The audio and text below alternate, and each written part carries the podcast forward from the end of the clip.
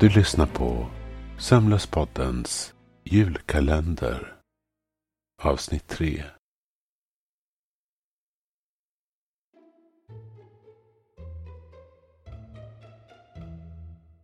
Natten hade fallit över Nordpolen.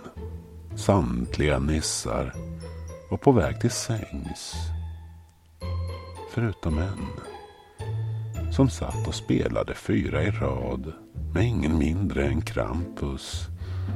Den varelse som tidigare bestraffat elaka barn med att ge dem kol eller röva bort dem. Nissen, som nu fått namnet Alfheim, tittade på sin klocka. Den är två på natten. Alla har slutat jobba och sover sött nu. Utmärkt, utmärkt. Visa vägen till stallet. När de båda kom ut från den gamla verkstaden andades Krampus in luften och njöt några sekunder av den frihet han nu kände för första gången på årtionden. De gick förbi det stora tomtehögkontoret. Vid sidan fanns en äldre bod, utsmyckad med klart lysande glödlampor på rad. Alfheim tittade på dörren till stallet. Åh, rackarns. Vi behöver ha nyckel. Sa han, delvis lättad. Eftersom han ärligt talat inte ville gå längre med denna plan. Nåja, vi får väl vända tillbaka helt enkelt. Sa Krampus och ryckte på axlarna innan han log med ett djävulskt leende. Eller kan vi göra så här? Han sparkade upp dörren och ett högt larm tjöt. Men vad gör du? Du kommer ju väcka hela tomtebyn. Skrek Alfheim för att göra sig hörd. Krampus rusade in i stallet. På prydliga rader stod renarna. Alla hade en skylt ovanför sina bås. Krampus gick fram till Stjärna. Här är en av tomtens favoriter.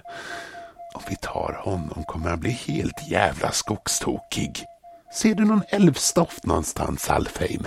Alfheim sprang runt som en yr höna och fann till slut en liten säck med älvstoft. Troligtvis för kortare resor. Krampus hoppade upp på Stjärna och greppade efter Alfheim med sina långa klor och satte honom bakom. Den stackars renen kämpade emot. Men när älvstoftet mötte dess hovar började den graciöst sväva upp mot marken. Just fan, vi behöver göra en liten tur till verkstaden. Det är något som vi inte får glömma, sa Krampus. Renen flög fram i riktning mot verkstaden. Alfheim kunde se hur lamporna började tändas i husen och nissar, stora som små, stod förundrat och tittade på dem. När Krampus landat stjärna så började ett par tappra nissar att följa efter. Han sprang in i stugan och kom snart ut med ett pergament som hade en fjäderpenna som skrev av sig självt i en makaber takt. Alfheim hade hört talas om denna, men aldrig sett den. Tomtens stygglista. Jag har hört den skriva långa nätter, kallat efter mig. Nu har jag den, sa Krampus triumferande. En nisse ställde sig framför Krampus och en annan försökte dra tillbaka stjärna till stallet. Krampus sparkade nissen framför sig i magen och kastade sig på den andra så han tappade taget om renen. Med sina stora händer vred han skoningslöst nacken på nissen som Alfheim kände igen. De brukade träffas i matsalen och hälsa på varandra. Utan att veta om han själv satt sig på stjärna eller om Krampus tvingat honom på renens rygg var han nu där igen. Med tunga andetag, ögon stora som tefat så skrek han efter hjälp medan de seglade upp i skyn efter att Krampus kastat ett frikostigt lager älvstoft på stjärna.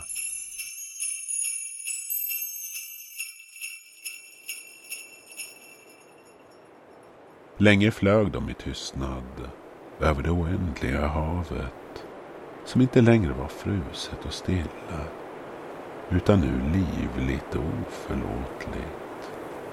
Högre upp bland molnen Krampus gav ifrån sig ett segervrål och höjde armarna i skyn. Allting hade gått exakt som han tänkt sig. Bättre till och med. Han visste att så fort nissen gått med på att lämna brevet till tomten så skulle de mörka krafter som omringade honom hjälpa att få hans vilja igenom. Krampus visste inte exakt hur det gått till. Bara att de verkar till hans fördel. Som så många gånger innan. Efter cirka tio minuter av att flyga fram som en komet så började stjärnan tappa fart och sjönk gradvis ner från molnen. Det här är inte bra, sa Krampus och tittade mot Alfheim. De störtade ner mot ett snötäckt landskap. I vilken sekund som helst skulle de alla tre ligga mosade nere på marken. Krampus vände säcken med älvstoft upp och ner och ruskade den desperat över stjärna. När han till slut rev sönder den i tur i desperation flög några få korn av älvstoft på stjärna som lyckades göra en form av eh, nödlandning. Rakt ner i en öde snödriva. Efter att Krampus borstat av sig snön så ställde han sig försiktigt upp. Har vi rört oss överhuvudtaget? Det här ser ju ut som Nordpolen, fast inte lika mycket snö. Vänta lite. Sa Alfheim och tog fram sin mobiltelefon och satte på GPS-funktionen. Vi verkar vara i Sverige. Närmaste staden heter Jokkmokk. Ja, nu hittar du ju bara på. Finns väl ingen stad med så larvigt namn? Sa Krampus och himlade med ögonen. Alfheim log försiktigt mot Krampus. Men inombords var han livrädd för detta monster som vridit nacken på en av hans kollegor. Det är väl lika bra att vi börjar gå då, sa Krampus och suckade medan den oväntade trion vandrade runt. I den snöiga natten tog Krampus fram stygglistan och tittade på den. Likt ett barn på julafton. Fjäderpennans hastiga rörelser som tecknade ner namn efter namn i skrivstil. Han följde fjäderpennans hastiga rörelser som tecknade ner namn efter namn i skrivstil. Den behövde inte bläck och verkade aldrig sluta skriva. Ibland så ströks ett namn, men det var sällan. Alfheim var trött. Och trots att han var van vid kylan så ville han bara in i värmen nu.